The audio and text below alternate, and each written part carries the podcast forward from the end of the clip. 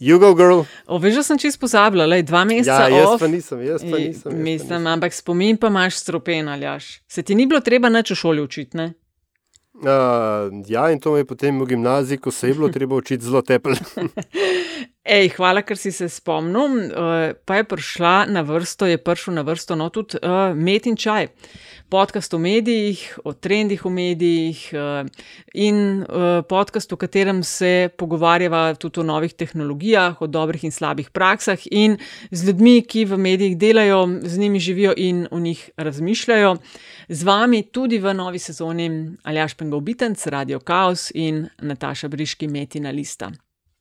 Kot vsako sezono, um, se uh, zahvaljujeva za vaša dobra dela, dobre komentarje, kritike, karkoli. Res pa ful vesela, ker, ker nam pomaga ustvarjati uh, to oddajo in pomaga tudi konec koncev zbrati, v katero smer bomo šli v novi sezoni. Ne? In uh, ali jaš to novo sezono bomo mal, mal posebno štartala. Ne?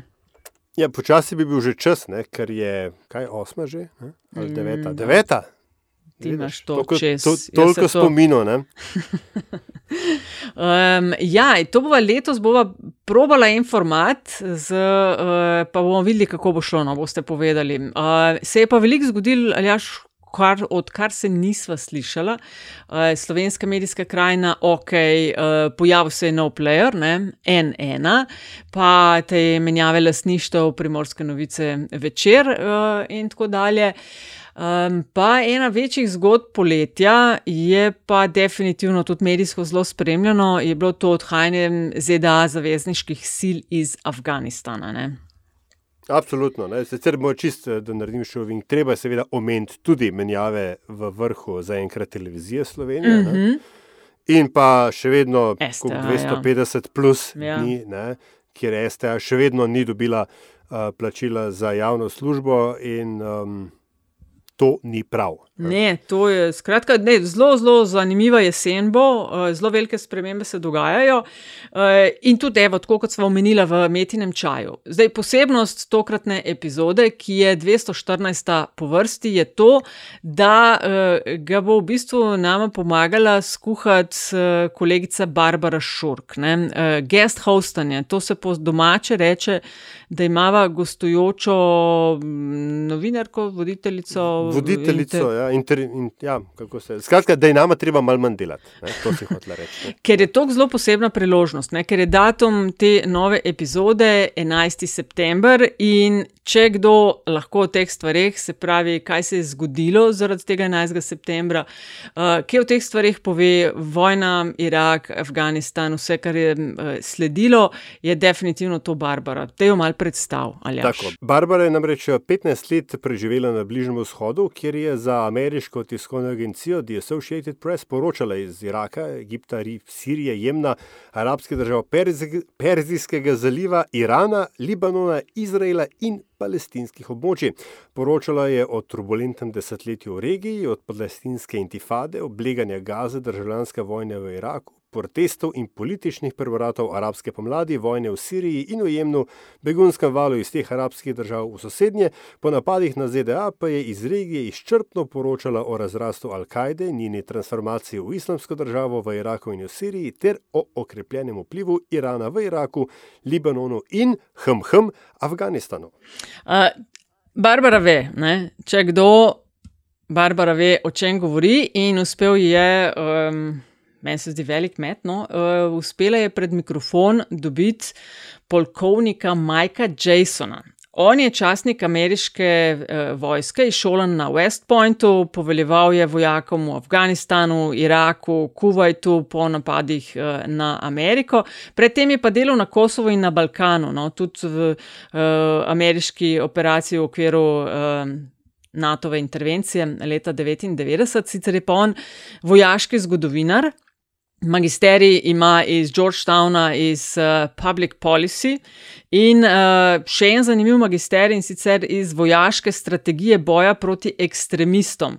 To je delal na akademiji v Rimu. No, on se je 2019 upokojil, 24 let je delal uh, v vojski, zdaj živi uh, v Washingtonu, piše komentarje in analize o napakah in uspehih invazije uh, na Irak in Afganistan. In med drugim uh, ugotavlja in zagotavlja psihopomoč veteranom, ki imajo samomorilne misli. Uh, zdaj, še z enim kupom stvari se ukvarja, z Barbaro sta se pogovarjala o vojnah v Afganistanu in Iraku, a so bile nujne. Pogovarjala sta se o prijateljih in sovražnikih, o tem, kako so vojne spremenile družbe, o medijih v vojni, cenzuri, urjenju iraških in afganistanskih uh, vojakov in uh, tudi. Z Barbaro. Barbara ga je spremljala uh, tudi pri delu na fronti, uh, ko je bila v Iraku in sta posnela res fulj zanimiv pogovor. Uh, tako da uh, kar vabim in priporočam, uh, da mu prisluhnete. Evo, Barbara in polkovnik uh, Mike Jason. Mike, where were you on 9 11 20 years ago? In uh, on this very day? So 9/11, uh, I was at, actually in Germany. Uh, I was uh, my U.S. Army unit had just come back from seven months uh, conducting peacekeeping operations in Kosovo, where I had been a commander, a company commander. I was a captain, uh, and we had, like I said, we just gotten back. and I was actually at home because the day before I had relinquished that command.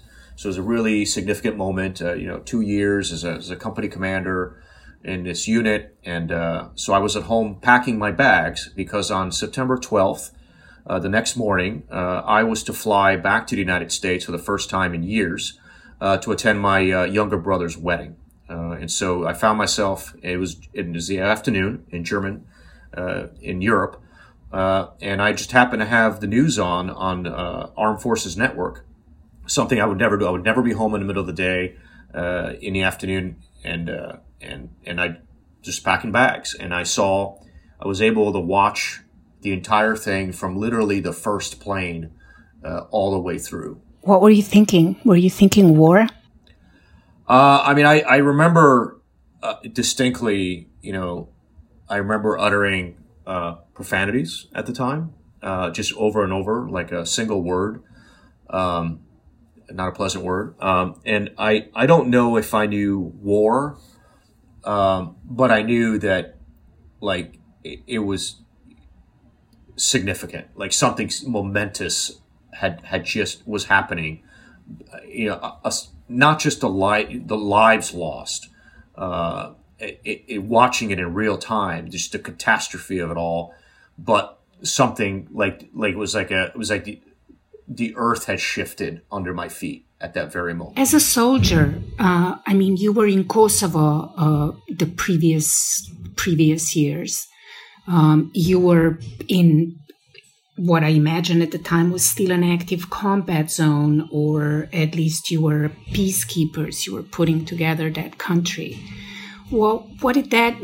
What shift did you think was going to happen after these attacks in New York? I mean, I remember, you know, I remember being in the Balkans. Uh, you know, the Balkans was the big focus. Uh, you know, as soon as I graduated from the military academy in '95, you know, the army started shifting to entered uh, bo- operations in Bosnia. I had many classmates there. Then I found myself in Kosovo a couple years later, and uh, I remember in Kosovo uh, talking to a, a, friend of mine, a peer, and this is 2001, uh, but before 9/11, and thinking you know, this is probably going to be our military career. This is probably our future is these smaller operations where we're bringing stability to these countries that have seen all these these wars and conflicts and, and civil wars. And we were making peace with it. You know, we'd all thought we might be, you know, young young people think they're going to be heroes and they're going to be like something out of the movies, but we saw that that that the world has changed and there was this optimism of, of the late 90s early you know just before 9-11 and this was going to be our path. And this was going to and it, I, and we were i was gladly accepting it. I mean it was an operational theater. It was dangerous. There were mines. There was there was a bit of, of there was violence. But generally it was uh, in comparison of what we would later on see in iraq and afghanistan a fairly benign or safe combat theater if we want to call it that. And but it was also like we felt good. We were doing something important we, we could see progress. We, we, it was international cooperation. I had soldiers on patrols with the Russians, with other NATO countries. Uh, we were building capacity, rebuilding schools. I mean, there, there was a sense that you know this could be again our our our professional future. 9/11 changed all that in, in an instant. It was all of a sudden the violence of of uh, and and anger and emotion that that that changes civilizations, and uh, everything before that was going to be com- or everything after was going to be completely different from what came before. And Mike, you had you had a slightly different path into the military, into the American military. Um, you were born overseas. You were born in Italy. Um, so I would imagine also your um, emotions at the time um, when you were in Europe. You were sort of in this area. You are also a military historian, and you were so sort of also operating this in this area that was familiar to you.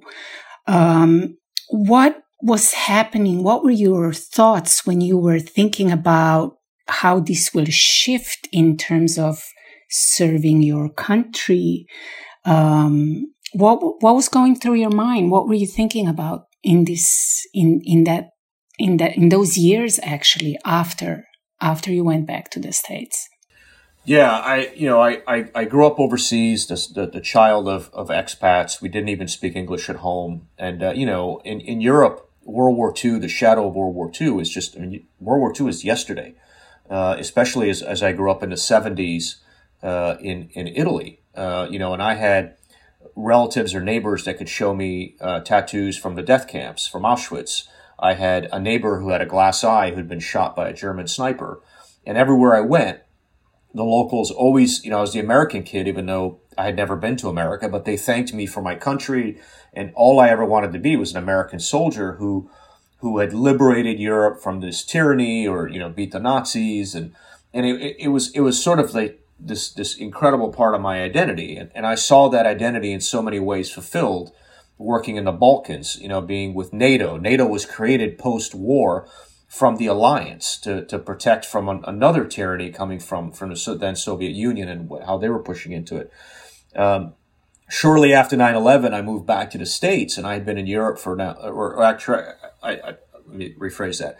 Uh, after 9-11, uh, when I was in Germany, uh, my next assignment would take me back to Italy. Uh, so after 9-11, immediately after 9-11, I'm back in Italy uh, working in a NATO headquarters. Uh, and I, you know, that was coordinating again all the Balkan operations, but also starting to pivot to this new thing called the War on Terror but still in Italy, in a place where I grew up, and a place where I felt familiar, where I felt this deep connection uh, to international, to collaboration, to different cultures coming together, uh, and working with with the with with the Turks and Italians and British and German, um, really on on this new evolving fight of terrorism. Um, and then and then I came back to the U.S. Uh, and I came back to the U.S. to a country that had been really like shocked to its core, uh, and and to this day, I think I contend uh, hasn't been since or, or hadn't been before to that extent, and and maybe I, I saw then my initial observations I couldn't put into, in, into words that it had fundamentally changed our perception, our country's perception of ourselves, and how we would go forward. In these months and years when you were um, in the US, and I think you also went to Italy for on a very very interesting mission um, that had to do with Iraq, and you were sort of bouncing around, not um, sort of. And you were an intellectual soldier. At some point, you were in the Pentagon writing a white paper on Al Qaeda and a um, uh, commander gave you uh, the Quran to yeah. to read and sort of to to get you into this um, into your future essentially that was going to be on these overseas fronts uh, of Iraq and Afghanistan. Were you so the patriotism, I guess, or this call for duty, call of duty, call to serve your country, to avenge the deaths of 9 11? Has that not come as we who were watching these events unfold? For us, for example, it was like, okay, so America was attacked, America was would respond, massing troops. You know, from the media, I'm a reporter as well. I was watching it all from from the Middle East itself. Um, what? How were you going through this? Was it like I want to fight? Was it I want to know more? How does that process go with someone like you? Yeah, I don't. I don't think I ever had like. I mean, call it a bloodlust or whatever. Like we knew, we knew it was an act of terrorism. Even even though we started calling it the war on terror. Like you can't fight a methodology. There was there was a distinct enemy. There was a distinct organization that had wrought this attack. There were political consequences of why it occurred. You know, the Taliban harboring them, etc. So I come back to the United States. It's 2003. The Army sends me to graduate school at Georgetown to study public policy. Uh, and I'm there as Iraq kicks off. And then I find myself in the Pentagon in the strategy department. And just that, it was, uh, we were writing the strategic document for how to fight this war on terror, which right away we all knew had been mislabeled in a sense that you can't, it, it was really, but how do you, you know, what, what is this effort? So a lot of intellectual thought went behind it and, it, and we brought in folks and that was this one colonel that was a mentor and he was a uh, one of these very intellectual officers that worked in embassies, not like a commander, and he he but he had studied the region so much that he uh, he's like you cannot understand what what they're what they're using what they're arguing for recruiting terrorists or whatever without understanding sort of the the intellectual foundation behind it. So he had me read you know excerpts of the quran and but really focusing on not the religion. It wasn't this is and, and i think president bush was always right. This isn't about islam but al-qaeda and some of those elements, later ISIS, were using facets of the religion to justify their action. And if we were going to have a hope in hell to, to dissuade, to argue, to, to really to garner allies in that part of the world, we had to understand what these arguments were, at least so the thought process was. And it was foundational for me to, to, to, to study all this, uh, and to, to try and understand it and to try and pick up some of the language. Uh, because I, you know, I, I, I was, like I said, I grew up in Europe and I had a formative experience in the Balkans. Everybody thought 1995 to 2001, the Balkans was for the army. That was our, that was where it was happening. Uh, Bosnia, Kosovo, Albania. These were all operations that were ongoing with NATO. Um, I was an expert at that when I came out. That was rendered completely irrelevant on 9/11, and I had to understand this new set of this new set of challenges. Um, and it's after, shortly after that. So I, I, I, I'm in the Pentagon. I'm doing all the strategy. And then the army plucks me out again and says, you know, we, we need to clear the offices of people like you because we have an immediate problem that we need to rebuild the Iraqi army. Uh, and now you're gonna, we're gonna make you an advisor. And so they plucked me out and they, they, I, they gave me a 10 man team of people I had never met before in my life, two weeks together in Colorado, an hour of Arabic or so and then shipped over to Iraq to uh, work with an Iraqi infantry battalion of a thousand Iraqi soldiers conducting daily counterinsurgency. Uh, and that's and that's all of a sudden where I find myself. And and luckily, I had done at least some self study ahead of all this. Uh, and and and that's my next adventure, I guess you could say. Adventure indeed. Um, you get there. Is it anything that you thought it would be? Is it anything like the books and the movies and the study materials that you went through? You know, I uh like like all kids, you know, that that you know, like I said, I grew up in the shadow of World War II and I idolized the American soldier and I saw to Hell and Back with Audie Murphy and Patton and all the Guns of Navarone all the movies, right? Uh, Saving Private Ryan. I mean, so the joke amongst us was if I had to really do a realistic war movie, it would be about 12 hours long extremely dull and boring with 15 seconds of sheer terror.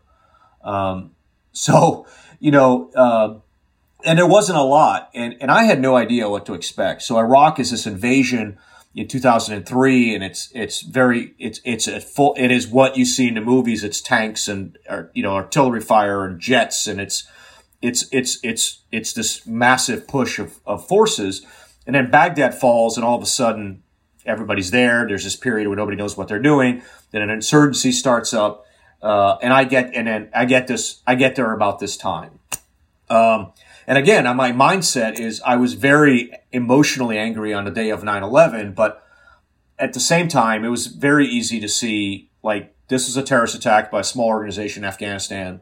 We are not at war against a people or a religion. That, that, that cannot work. So immediately I, I didn't feel this. I did, like I said, I talked about earlier, I, I didn't have this bloodlust for vengeance. It was, but I wanted to be part, all military people, you know, we, we, we entered a profession you know, there's a part of me that wants to be tested, that wants to do it, that wants to, you know, I don't want to, if I'm an athlete, I don't want to just practice. I want to get out there and, and lead and, and be part of the, you know, the the game in town. And it's naive, it's young, it's immature, but that's what we do. And so I, I you know, when the, the call came, I went and, and, and I was, part of me is excited to go. Of course, I went to do things I had never done before in a place I'd never done before. Uh, and, and I, you know, with limited preparation, with a team I'd never met before, I'd never trained before, uh, and immediately it's it's uh, it's not at all what, what what any of us expected. Every day was like a new, uh you know, we're we're making it up as we went, um, and then I'm there, and another catastrophic event happens almost immediately after I'm there that changes the dynamic of the entire conflict in Iraq, and it's the Samarra mosque bombing. You know, the the forerunners of ISIS or Al Qaeda they bombed, you know, the most the most incredible Shia uh, shrine, you know, in in the region, uh, and it, it's just it's a cataclysmic kind of terrorist attack that really sets off a whole different th- whole different uh, chapter of of the uh, ethnic conflict that we were basically in the middle of uh, during during our our period of operation there. And when you are on the ground, um, essentially from the perspective of of many Iraqi by many Iraqis by that time. Uh, it's 2005, 2006.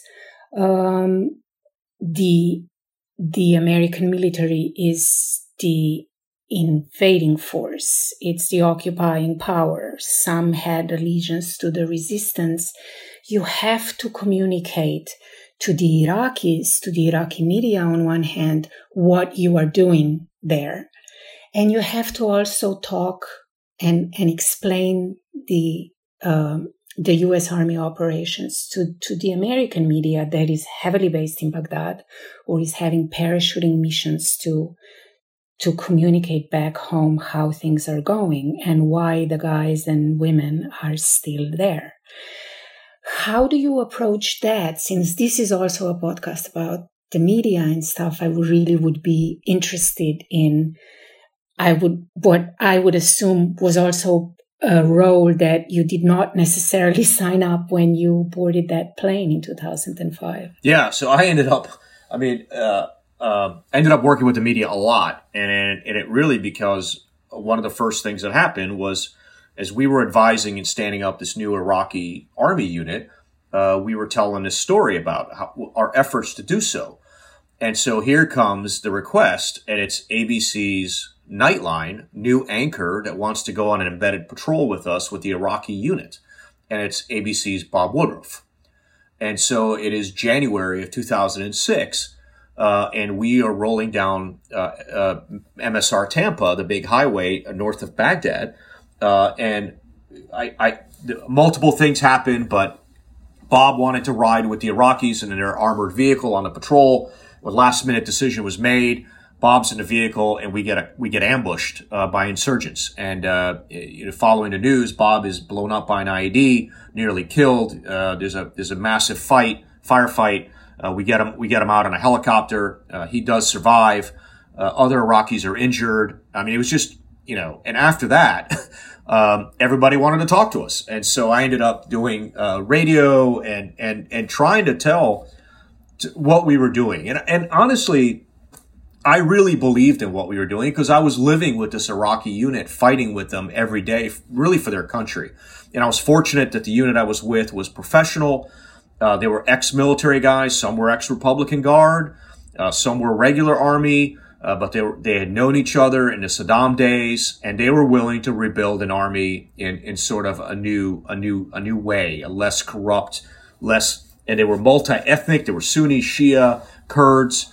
Uh, so it was I was fortunate to land in this unit and and foster just incredibly deep relationships, but also got to see, you know, because this advisor effort was so ham-fisted on, on so many ways, part of my job was I was a translator to these Iraqis that I was working with about what the Americans were doing, but also back to the Americans about what the Iraqis needed or how they were going to do it.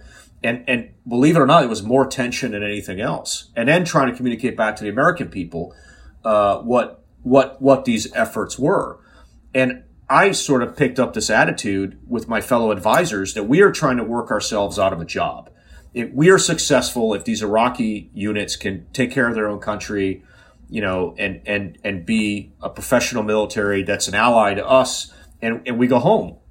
Um, and it, but uh, you would be surprised how much that objective was was seemed to be at odds with regular American units that were coming in uh, to do seemingly to do different things. Uh, and so it was a it was a very tense time uh, where everybody was sort of trying to figure out what they were doing while a very dangerous insurgency was was continuing to grow.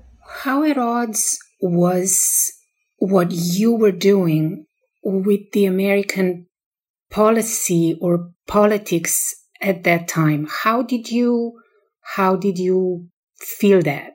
Um, by journalists' questions, maybe the stories that they wanted to focus. How did that look from your end? I think well, first, I think what I was doing was very well in line with everything the president was saying. You know, as as they stand up, we'll stand down, right? Like we were, I was listening to that guidance and the speeches and the policy and the national defense strategy. And we were like, hey, I'm training these Iraqi units and advising them and, and so that Americans can go home. But the institution of the U.S. Army, like, I don't, in my criticism, and I, God, I love the Army and I've devoted my life to it. But we never really got the advising bit right because it, it's sort of not how we produce our people, our generals it's not in, it's not part of our ethos of, of our in, in, it's not institutionalized in the army. And so it was a constant effort and i think we're going to see that later in afghanistan uh, it was a constant kind of hodgepodge of band-aids and ad hoc solutions and i was in, on one of these efforts.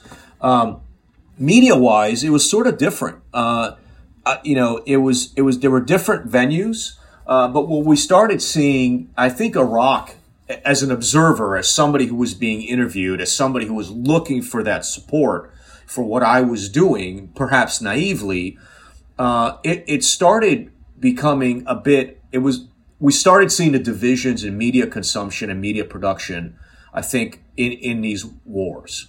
You know, uh, you go into the chow hall in, in Taji or Baghdad, and all on the news is, is Fox. And, and Fox was nice to us. Fox was a cheerleader. Fox supported the troops. Fox had American flags on the banner on the television. Fox didn't ask a lot of hard questions. They just were all about the troops. Whereas maybe the Associated Press or the New York Times were more critical about the efforts. You know, the Wall Street Journal did a fantastic piece, very critical of the Army that, that uh, was part of our story that talked about how we were not doing this advising thing very well. And nobody wanted to hear that. And there were repercussions after that. You know, I had a, a boss who was relieved because of what came out in that story because the commander was upset that he, you know, got bad press. So we start really seeing the coverage and, and how we were covered really being being part of the story itself. Uh, and and then really feeling that coming home.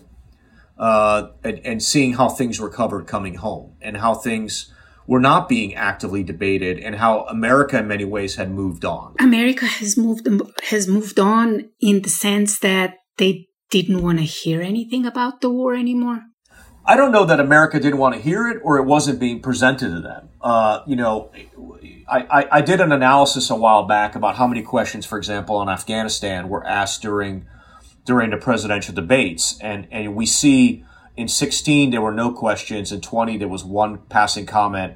I think the last time we have a significant discussion on Afghanistan was Romney and McCain.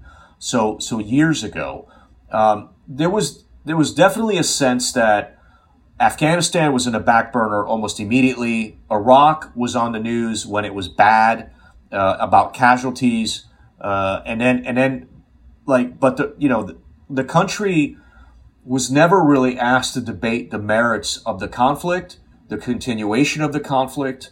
Uh, we didn't have any taxes. Uh, and it was just very easy to consider the wars kind of somebody else's problem.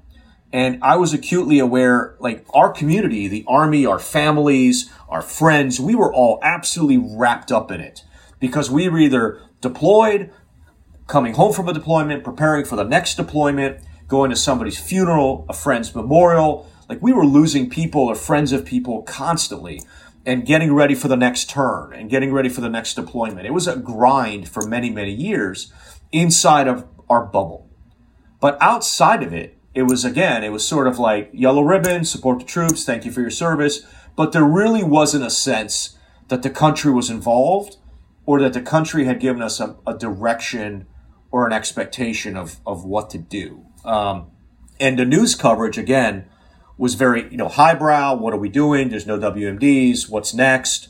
Uh, you know, what is happening in Afghanistan? Or rah rah, support the troops. You know, more casualties. Why aren't they talking about this? We got to, you know, uh, and and and you know, but but it was not framed in a way that that the American populace sort of committed or decided that that this was an an effort that was worthy of sacrifice, continuation to achieve national goals. I, I, I just never felt that. It was just something that we felt we had to. I was in. I was on this treadmill. I was going to go back to Iraq. I was going to go back to Afghanistan. So were my friends, and and largely the country was appreciative, but kind of it was it was. It, to, to, to America, to, to a great deal of my countrymen, it was somebody else's problem. It's somebody else's kid. Uh, and you guys, you know, we'll give you what you need, but, but, but, uh, you know, we're, we're happy watching American Idol. You mentioned your family, your bubble of friends, your family in particular. I mean, three of your younger brothers, the four of you, have had many deployments on in both wars. Tell us about that. How was that? How was that your bubble? But how was that also? How did you guys communicate between different fronts and front lines? What was that like? Yeah, it was. Uh, um, you know, one of the one of the costs of this war for us is is you know is is we sort of don't have a very close family relationship. We we have been all over the world for the last twenty years. I'm the oldest. Uh, I did 24 years in the Army. The second uh, is a naval aviator. Uh, he's in command right now as a Navy captain. He's uh, about sitting on about 25 years. Uh, he flew some of the most. He flew the night of shock and awe, you know, in Baghdad. Uh, he flew on some in- incredibly daring raids in Afghanistan. The third brother has, I think, four tours in Iraq. He's an he was an army soldier and then an officer. And the fourth is a Marine of 11 years, two tours in Fallujah. He's a Purple Heart recipient. Uh, you know, we've got so it, it has been. It, you know, I overlapped. I got to see the Army brother once in Baghdad. Uh, we we we shared a visit. Uh, I overlapped with the Marine, but didn't see him. Uh, but I was in country when he was injured, uh, which you know was, and I got an initial spot report from you know from from my family on social media, and then it was it was a frantic, you know, uh, search to find out what happened or where he had been evac. Uh, you know, I was I was lit- I was literally not catatonic, but I was I was we would say combat ineffective. I was, you know, I had my team sergeant came up to me and said, "Boss, we got this. You you go do what you got to do." um, is extremely difficult being on that side of the fence. Um, you know, or being being on the other side. You know, when you're in it, you're in it. You don't think about risk, but when it's other people you care about, it's extremely difficult. Um, and so there's a constant constant worry. You know, we learned how to how to manage messaging. You know, with our parents. Um, you know about uh, you know we only communicated good news, like hey, I got promoted. We never said. Uh, uh, you know, our fears or our concerns, or we, we never any bad news or any any anything that could not be proven or confirmed immediately. We, we, it was it was all facts and good news. Like the weather is nice, it's really hot, and we never set expectations. Like I'm going to call you tomorrow because anything could happen. You could be on a mission or something could happen, and all of a sudden you're not calling, and then everyone else is terrified. So you sort of we sort of managed that and we actively like managed how we communicated to our loved ones um, and it also came you know look i i won't sugar it, it came at incredible personal cost there's four brothers Uh, you know, and and there's uh, seven, I eight marriages now between us. Um, it, it was it was you know we we had we had some, we had a hard couple decades, uh, and it's it, it, it was uh, you know w- one of us was injured. I, I can't believe how lucky we were considering what we did. Like none of us were you know soldiers who who work on the camp or or you know do I don't whatever. I, I don't want to disrespect anybody's service. I don't want to denigrate it, but all of us were what we would call combat arms, and and so the fact that you know we, we all generally walked away uh, after 17 or so combat tours uh, in both theaters is just, you know, we are incredibly fortunate where other families have not been. Uh, and we, we think about that a lot. Um, and, and we try to live up to the, the fortune that was bestowed upon us. You mentioned both theaters, Mike. You were also um, in uh, combat missions in uh, Afghanistan, in addition to Iraq it was sort of a general uh, assumption that Iraq, um, I'm sorry, Afghanistan at the beginning, uh, right after nine, a month or short of a month after 9-11 was sort of a just war because it was going after Osama bin Laden, going after the perpetrators, and then Iraq distracted from that goal. And then it became this sort of Vietnam-like um, situation that the US will not be able to extract itself. Um, what are your thoughts, maybe a little bit in hindsight, but also what were you thinking at the time? Was there such a thing as a just war? Were they necessary wars? What do you think about that? There's a couple a couple lines that always come to mind, and you know we're we're shaped by our movies. Um, you know, I, I, think about the beginning of Apocalypse Now when Martin Sheen's character is sitting in a hotel room and he begins the narration and he says, you know, um, I always wanted a mission and for my sins they gave me one. And when I was when I when I was done, I would never want another one. Um, and I think about that a lot uh, because all of us who are young young people uh, that join this profession, like you know, we all want to go prove ourselves, and and we all want. It. And then I also remember thinking about mentors uh, who had been in you know Vietnam generation or so who you know these old war horses who, who end up becoming like these these pacifists. And I get it now. And it's like when you see when you see it you know uh, all the literatures you know from from Dulce Decorum Est right? Pro Patria Mori like you know this this fervor and then you get there and you see what humans can do to each other uh, you never you never want to do it again. So is there a just war? Um, all war is unjust. All war is is death and destruction of families and young people and dreams and shattering civilizations. Um, but so was 9-11. It was 9-11 was an absolutely cowardly act of war that killed innocent people and going about their daily business. And and and that could not be repeated. That could not happen again. It's something had to be done and the people of Afghanistan had suffered for so long. And so, as you eradicate Al Qaeda and the Taliban who sheltered them, we find ourselves in this country that had been completely abandoned by, by the world for years. And this opportunity to potentially help people to, to come out of that. And it was an opportunity. I truly feel there, I was not on the ground in 2001, but some of the greatest, uh, you know, contributions that the Americans have always provided through history was this massive logistics and goodwill, Berlin airlift, the tsunami, uh, rebuilding Japan. And we could have just gone in there potentially with the international community with everything. And I feel like it kind of stalled. And part of it is we didn't want to be seen ourselves as occupiers. So, you know, we're there in tents instead of building buildings for ourselves that we could, or for, and for the Afghans to, to give over. Um, and, and it, just we, we we went light with special forces and some small units, uh, and and sort of dithered, and then all of a sudden we take our eye off the ball and Iraq starts. And is Iraq just? Well, we all know that the pretense wasn't there in, in the WMDs, but Saddam was a thug and he was a menace to everybody in the neighborhood and he was threatening everybody. And he thought he had WMDs and he was telling everybody he had WMDs. And after 9 11, you know, can we take that as as a as a possibility. And I, I I think it's important to look back in history through the eyes of what was known then and what was feared then. We know that the evidence was was non-existent. You know, we know that it, it was not enough, um, but there was a great fear. Um, but also like just the irresponsibility of like the assumptions that were made about what we would encounter, what it would take, how long it would take, and what efforts we needed to put into it. Um, that's the part that is to me almost nearly unforgivable.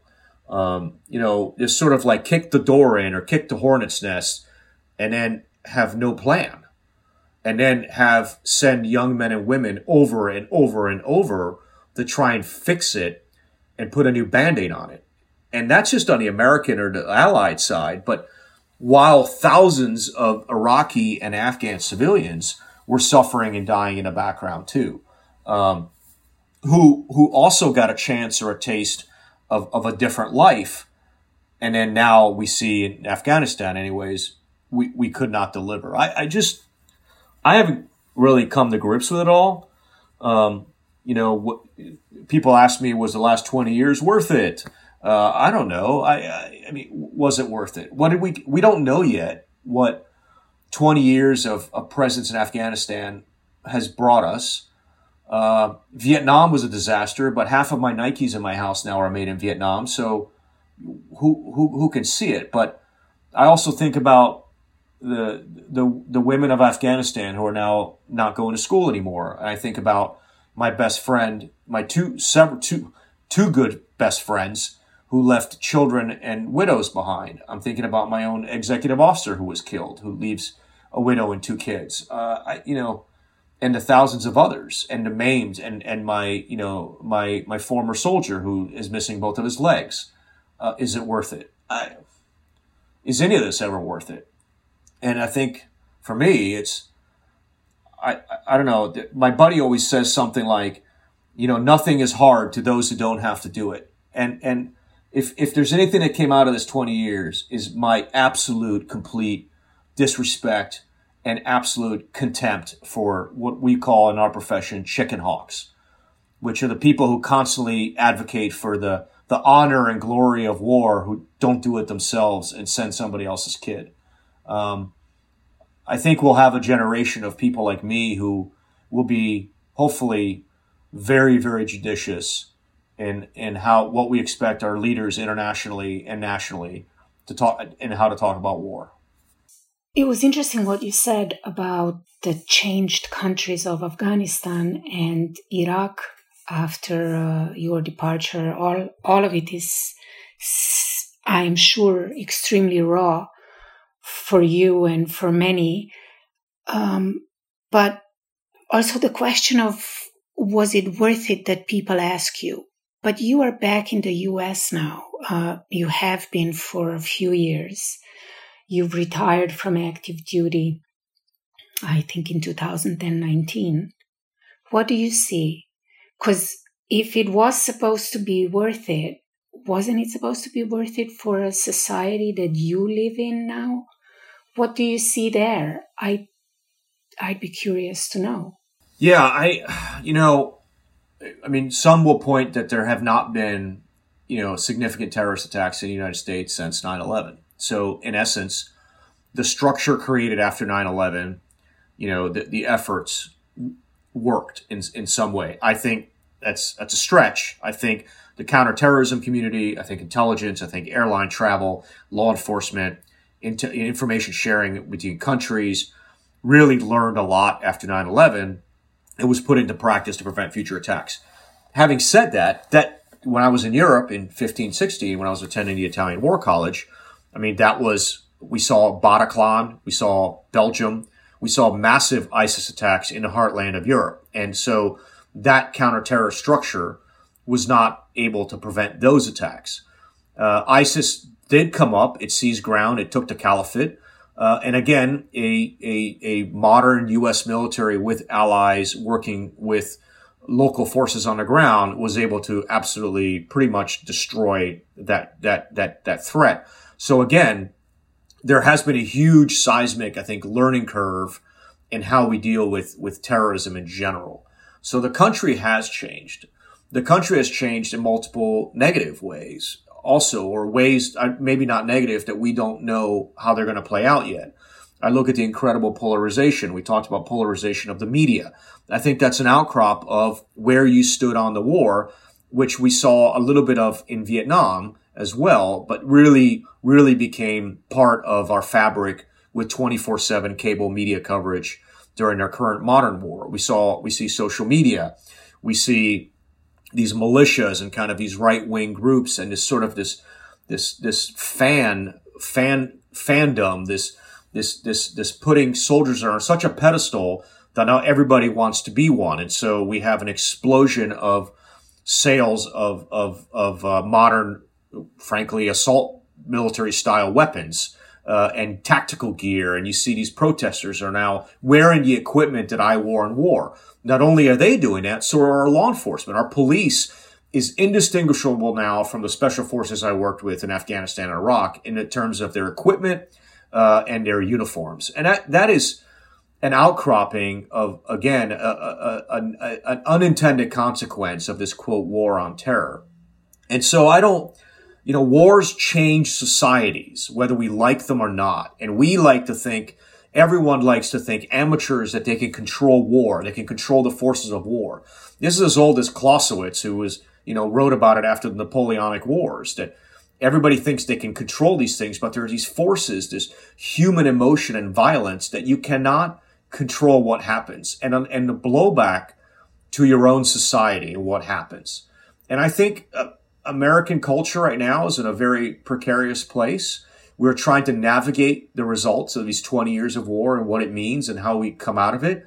Um, everybody felt good after World War II, despite the losses, that we had done something good.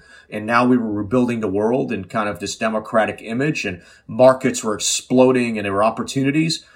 Uh, Vietnam was different. It was an end, and then you had this counterculture and sort of this protest movement and this, this liberation, and, and really we started tackling civil rights. I don't know what comes out of the last 20 years, um, but forces are unleashed, and I don't, and it could go in, in multiple directions. But to say that we can't just end a war and then act like it never happened or return to some kind of new normal, um, you know, during this 20 years is really when everybody got online. During this 20 years is when everybody got on social media during his 20 years is when everybody was part of news production with their telephones, having real live imagery uh, uh, as it was happening on the ground. And that's, you know, I look at Afghanistan.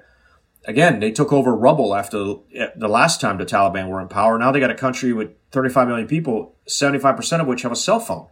Like, maybe they can turn off all the cell phone towers, and maybe they will, but they can't undo knowledge uh, not at that scale. And so I don't know that anybody can predict what the next turn is going to be and or what America looks like coming out of this. I think this is a very good point about the social media and how we all got online in, in the 20 years since 9 11. I was explaining to someone, um, I was in Jerusalem when 9 11 uh, happened and I just landed at the airport. And um, my younger colleagues could not understand that I was driving and I came to the office. I was a correspondent. And uh, it was, I think it was days, if not weeks, before I actually saw the attacks on television. And they couldn't understand how that was not possible. But there was no YouTube. Right. the phones were not smart. They were mobile, but they were not smart. So the leap or a giant step that we have done in this space is really, really unpredictable, even though we would like to think that we have it under control. And speaking of that, I also noticed that um, you have, uh, first of all, what are you doing now? Uh, and then I would like to ask you about how you pour your thoughts and analysis on social media platforms that are available to you? And if now that you are out of uniform, does that offer you more? Um, you're very outspoken. Does that offer you maybe a political views or at least comments of that? How is that? How do you find that life? Yeah, I I have. Uh, so I re- after I retired, I, I mean, I, I, work as a as I'm a consultant uh, in kind of the defense world. It's where many of us go. It's usually a good landing place as we adjust and transition from kind of a very all-consuming part of our lives, uh, and and to have to kind of figure out a way to go back into into a society and start something and and and you know reinvent ourselves in many ways. And I wanted to do that. I didn't want to retire and go be on a farm or you know, go sit on a rocking chair and do something. So I, I, I, I left with enough time to where I could, I could do new things. I could have a 2.0. And one of the first things that happened for me was to have the freedom to not be bound by certain regulations about expressing uh, my thoughts and writing and talking about my experiences. And, and, uh, I found a good outlet for that. And so whether it was a bit on social media publicly, and that led to, you know, publishing some coherent thoughts there, led to some folks saying, Hey, why don't, why don't you, can you write about this and we'll publish it? And that started kind of the ball rolling in many ways. And writing became a really good outlet for me. But also, I got to do other things. Uh, like I'm on a board for a nonprofit that supports Iraqi children. So I, I, I get to lead there and be still connected in part to the mission that I left behind. And we talked about the cost of war. Bo- the brunt of war is always, you know, children and, and families. And so I get to I get to do something about that and contribute to that. Another organization is I'm an advisor to several organizations, uh, and specifically I focus on veteran suicide. You know, near and dear, I had soldiers who took their own lives. Uh, it, it is, you know, I talk openly about uh, mental health and, and post traumatic stress. Uh, and so I was able to do that with some credibility as a former commander and somebody who was diagnosed with post traumatic stress. So I, you know, and, and help to advocate for good policies uh, it, about about veteran suicide, especially with firearms, which are an increasing problem in the United States and unique to the United States in many ways. Um, and then as of late, you know, I, I got to, I'm working with folks on, on Afghanistan and, uh, and I've been working on a special immigration visa for our interpreters and, and other, other people that, that worked directly for us that are in danger and helping them get out. Um, I try to stay nonpartisan. I try not to pick a side. It's becoming increasingly difficult when certain aspects, certain sides abandon facts uh, and and have become more shrill and and you know, it, it's not nuance. It's not, it's not, it's no longer about shades of the issues and we just disagree on how to implement it. You know, I, I have always advocated, I still see myself as a steward of the military profession and the values of the profession that I've get dedicated my life to and that I love. Uh, and those altruistic values, the values of the United States as we say they ought to be, as are inscribed on a Statue of Liberty in our Constitution. Uh, and I don't think those are political or partisan. Increasingly, they seem to be, but I tend to to go with pro- professional ethic, moral responsibility, you know, in as as you know, and, and kind of the ethos behind it. And if that makes me partisan, I guess I am right now, but I try not to be. Um, and it's really just advocate for for human decency uh, after seeing so much not decency so much, you know, violence and and and suffering. What are those uh, uh, uh, morals that are prescribed? The Statue of Liberty. Well, it's uh, you know, give me your hungry, give me your sick, give me your poor, right? I mean, and so that that as we as we tackled, you know, various, you know, as, as I looked at the special immigration visa issue, uh, you know, it, it, trying to rescue our interpreters and Afghan refugees, refugees from the Syrian civil war, we talked about a you know there was there was it was called the Muslim ban.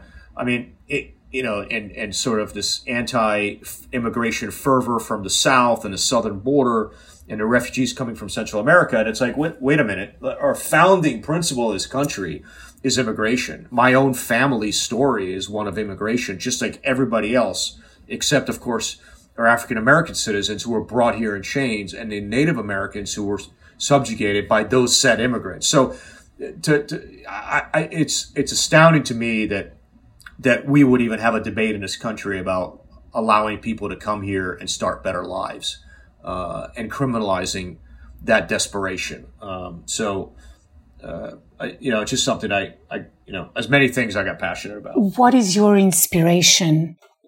Uh, where do you find inspiration in what what books are on your on your bedstand? What movies are you watching if you have time? Um, no, I I do. Um, you know, as of late, like like many, you know, I've I've, I've fallen into the uh, the Ted Lasso show because it's finally something positive about teamwork uh, and about about being decent. And it's so refreshing to have something like that. It seems banal a little bit after some of the other stuff I binged on, you know, over the pandemic. Um, the stuff I'm reading is not lighthearted. Uh, I, I've I've ventured a little bit everywhere. I've uh, as a, and again as a student of history who grew up in Europe with families family members affected by the Holocaust. I'm always drawn to the Holocaust. Um, you know, and I read you know, the tattooist of Auschwitz and then Cilka's journey, to follow up story to that. I and, and several others um, because the Holocaust is is it, it is industrial age violence uh, that happened in a lifetime of people that we love and, and of people that we know in places that I grew up in, and it's just astounding to me that how that could have happened, and and and we should always be on the watch for for that what happens again to, to not let it happen again. You know, we always say never forget, and yet the visceral language of Germany of the 1930s and even Italy, where I grew up, is happening again. And so I I'm drawn to that history constantly to, to, because that's what inspired me to join the United States Army to fight for sort of to prevent that and and and and to keep wa- watching for the signs. At the same time, the pandemic has kind of given me uh, a look into you know, sort of that dystopian future. And I found two amazing positive stories. You know, dystopia is usually scary and frightening, but one was the lightest object in the universe, and the other one is Station 11. And it's about people when disease and pandemic and societies collapsed that tried to rebuild things at a really small level uh, based on hope and a sense of community. Um, you know, you don't need to look at a lot, whole lot of dystopian fiction to see it happening in places like Sudan or Afghanistan after the Soviets and potentially Afghanistan in the future or in Syria under ISIS. Uh, dystopian fantasy is all around us happening in real time to real people. Um, and so to, to know that maybe to imagine that there are people out there trying to create decency in, when everything falls apart around them. Um, and even in, in the conditions of the Holocaust, um, to, to, to, to solve problems in their own little corner uh, gives gives a bit of hope about the power of the human spirit and what when things happen all around us that we cannot control that cause great suffering we can still be decent and we can still create hope if you allow me i would just like to circle back um, to to two places one is also where we work together as uh, myself as a, an associated press reporter when you were in Mosul. Um, and later on, you were also in Mazar al-Sharif because you have mentioned Syria under ISIS. And I think in your uh, wonderful analysis that you wrote very recently, uh, last month, I think, about Afghanistan, uh, about Mazar al-Sharif and uh, Mosul, you trained Iraqi army uh, you trained Afghan army there and you had a sense of hope that you were doing something good. And then both of these places, um, these cities, um, fell to very, very dark forces. And uh, the Iraqi military that you helped train has melted away. What was the, um, it, it almost, the emotion of, of that time really comes through um, your words on the page. Uh, or it was maybe my impression, but it was really detailedly done. What were you? What were your thoughts and feelings when you were looking at this? So Mosul was uh, um, Mosul was swift and and violent, and like I said, I I knew that city well. I had just been there, uh, so that was uh, probably three four years earlier. Uh, and Mosul, the, the, fall of Mosul to ISIS uh, was was broadcasted kind of live on Twitter, and and and really you could see it in in raw raw footage. I don't think anyone anyone had ever seen anything like that violence and depravity of that scale in in real time. And i don't think any of us knew how to process it or how to deal with it. So i was drawn to it and and i told myself i'm a military professional. I know the area. I'm in the army i need to see i need to try and understand what's happening because it's you know it's like it's like intelligence and uh, so i found myself watching uh, all of it uh, happen in Mosul in real time for for several months, and uh, that's when I really understood how like post traumatic stress comes back later and has echoes and affects you physiologically. I was absolutely having not in panic attacks, but eh, like you would call anxiety, heart palpitations. I mean, I was emotionally vested in seeing this, and I couldn't I couldn't turn it off. Like I felt like I felt like I had to be a part of it. I had to witness it. I had to watch it and do something. I mean, it was just the helplessness of watching everything you worked for, the people you knew, and then the violence and depravity on the ground. And then all that effort, like all these units that we we stood up and trained, just collapse. And then Afghanistan happened again. And it all began around Mazar and Kunduz and the areas that I knew, uh, Saripol, and it happened there first. And that's when I knew it was gonna it was gonna be bad because the Taliban did a, a, a reverse of how they did it the first time in 2000, you know, early on when they conquered all of Afghanistan, and in a method that the Americans did it in 2001, which is you take out the North first. And when I saw those cities fall, I knew it was going to be bad. Um, you know, this time it was, you know, the fifth, com- you know, the, the commando Kandak that I advised fought to the end. And then I, you know, they were, they ran into the hills with the last survivors. I, you know, I don't know who's left. It was nine years later, but, um, for me emotionally, I guess I was lucky in a sense that I did not have the imagery that was being, I was being bombarded with when ISIS fell in, in 13, 14. Um, so in a way, I was able to be a little bit more detached in the process of it and not see it in real time.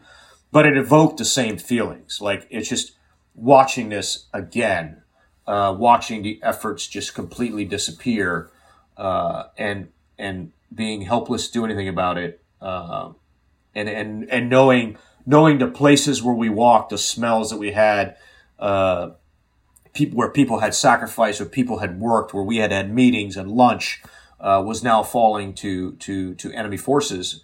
And, and and the schools that I'd been to, the, the, the girls that I'd seen walk into class, um, the car dealerships. I mean, it was just uh, that that was that was that that was closing in. Um, I mean, it, it was the same deja vu again. You have just described the PTSD and post traumatic stress syndrome um, in the words that I have not heard um, described so well, where the the pull of being inside and watching it live as it happens because you think that that will it will somehow override your experience on the ground and it just snowballs. It was really um, it was really not just accurate but really hit home i have to say. Um, and i do hope that you were able to find support uh, because it's one thing that is um, really it is destroying lives not just of, of, of servicemen and women but also of journalists and colleagues of mine and ours. And um, hopefully this has it is a time where uh, we speak about it more and people do seek help uh, with professionals. And especially now after these two years of pandemic when we have been sort of closed off very often with our thoughts.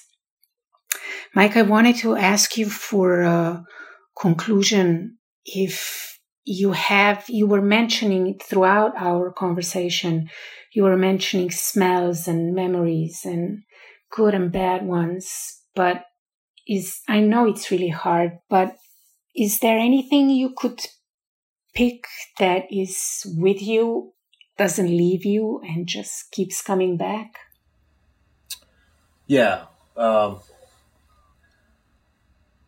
it, it's a certain smell of body odor, and, and I'll tell you the story behind it. Um, I worked with uh, with an Iraqi colonel, former Republican Guard guy, Uh, you know, and he joined a new Iraqi army, and he was the commander, so he was my counterpart, and I advised him, and we we became pretty close. Um, he would practice his English with me. I would practice my Arabic. Um, he would uh, go home on leave, um, and he would drive in the middle of the night with a pistol strapped to his back and his documents in his shoe in case he got stopped by insurgents. He was a Sunni guy, uh, so they were really after him. And uh, he uh, and he would call on his cell phone from leave, and then he would have me speaking in English to his children. Um, we we were we were pretty close. Um, about early in my tour, um, his brother was a, also an officer in the new Iraqi army, but young, and he was out in uh, in the west in Anbar. Uh, and his brother went home on vacation to visit his parents. He snuck home uh, in a small town, um, and uh, the local insurgents uh, found him, found out who he was, and then obviously uh, tortured and killed him, and then unceremoniously dumped his body on his parents' front doorstep. So Khalid uh, could not go home to participate in a funeral in the morning ceremony. There was no way they were going to get him to. He was really the target.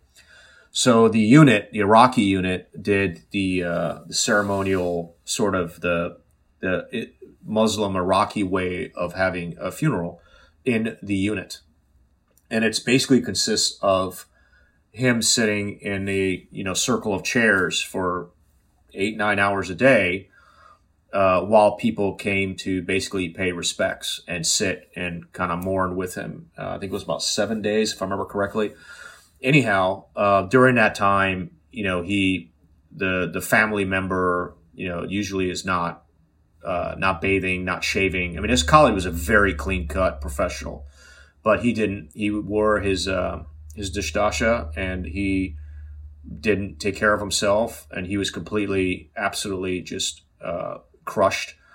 Uh, and one of the things I, I wasn't sure, I remember I wasn't sure, should I go? I'm not Muslim. Is this an Iraqi thing? Am I intruding? I mean, I, I always thought like, you know, he died frankly because ultimately my country invaded and kicked the hornet's nest and created this freaking crisis. And here he is, he's working with me. And am I just going to be a symbol of, everything that's screwed up that took you know that he lost. Like I didn't. I just I, like how would I feel if I had lost my brother um, to this? And and so I was processing that, and you know, and then I asked my interpreter, and and my interpreter said, you know, he they kind of they checked, and of course the Iraqis, the word came back immediately that Khalid would be absolutely honored if you went.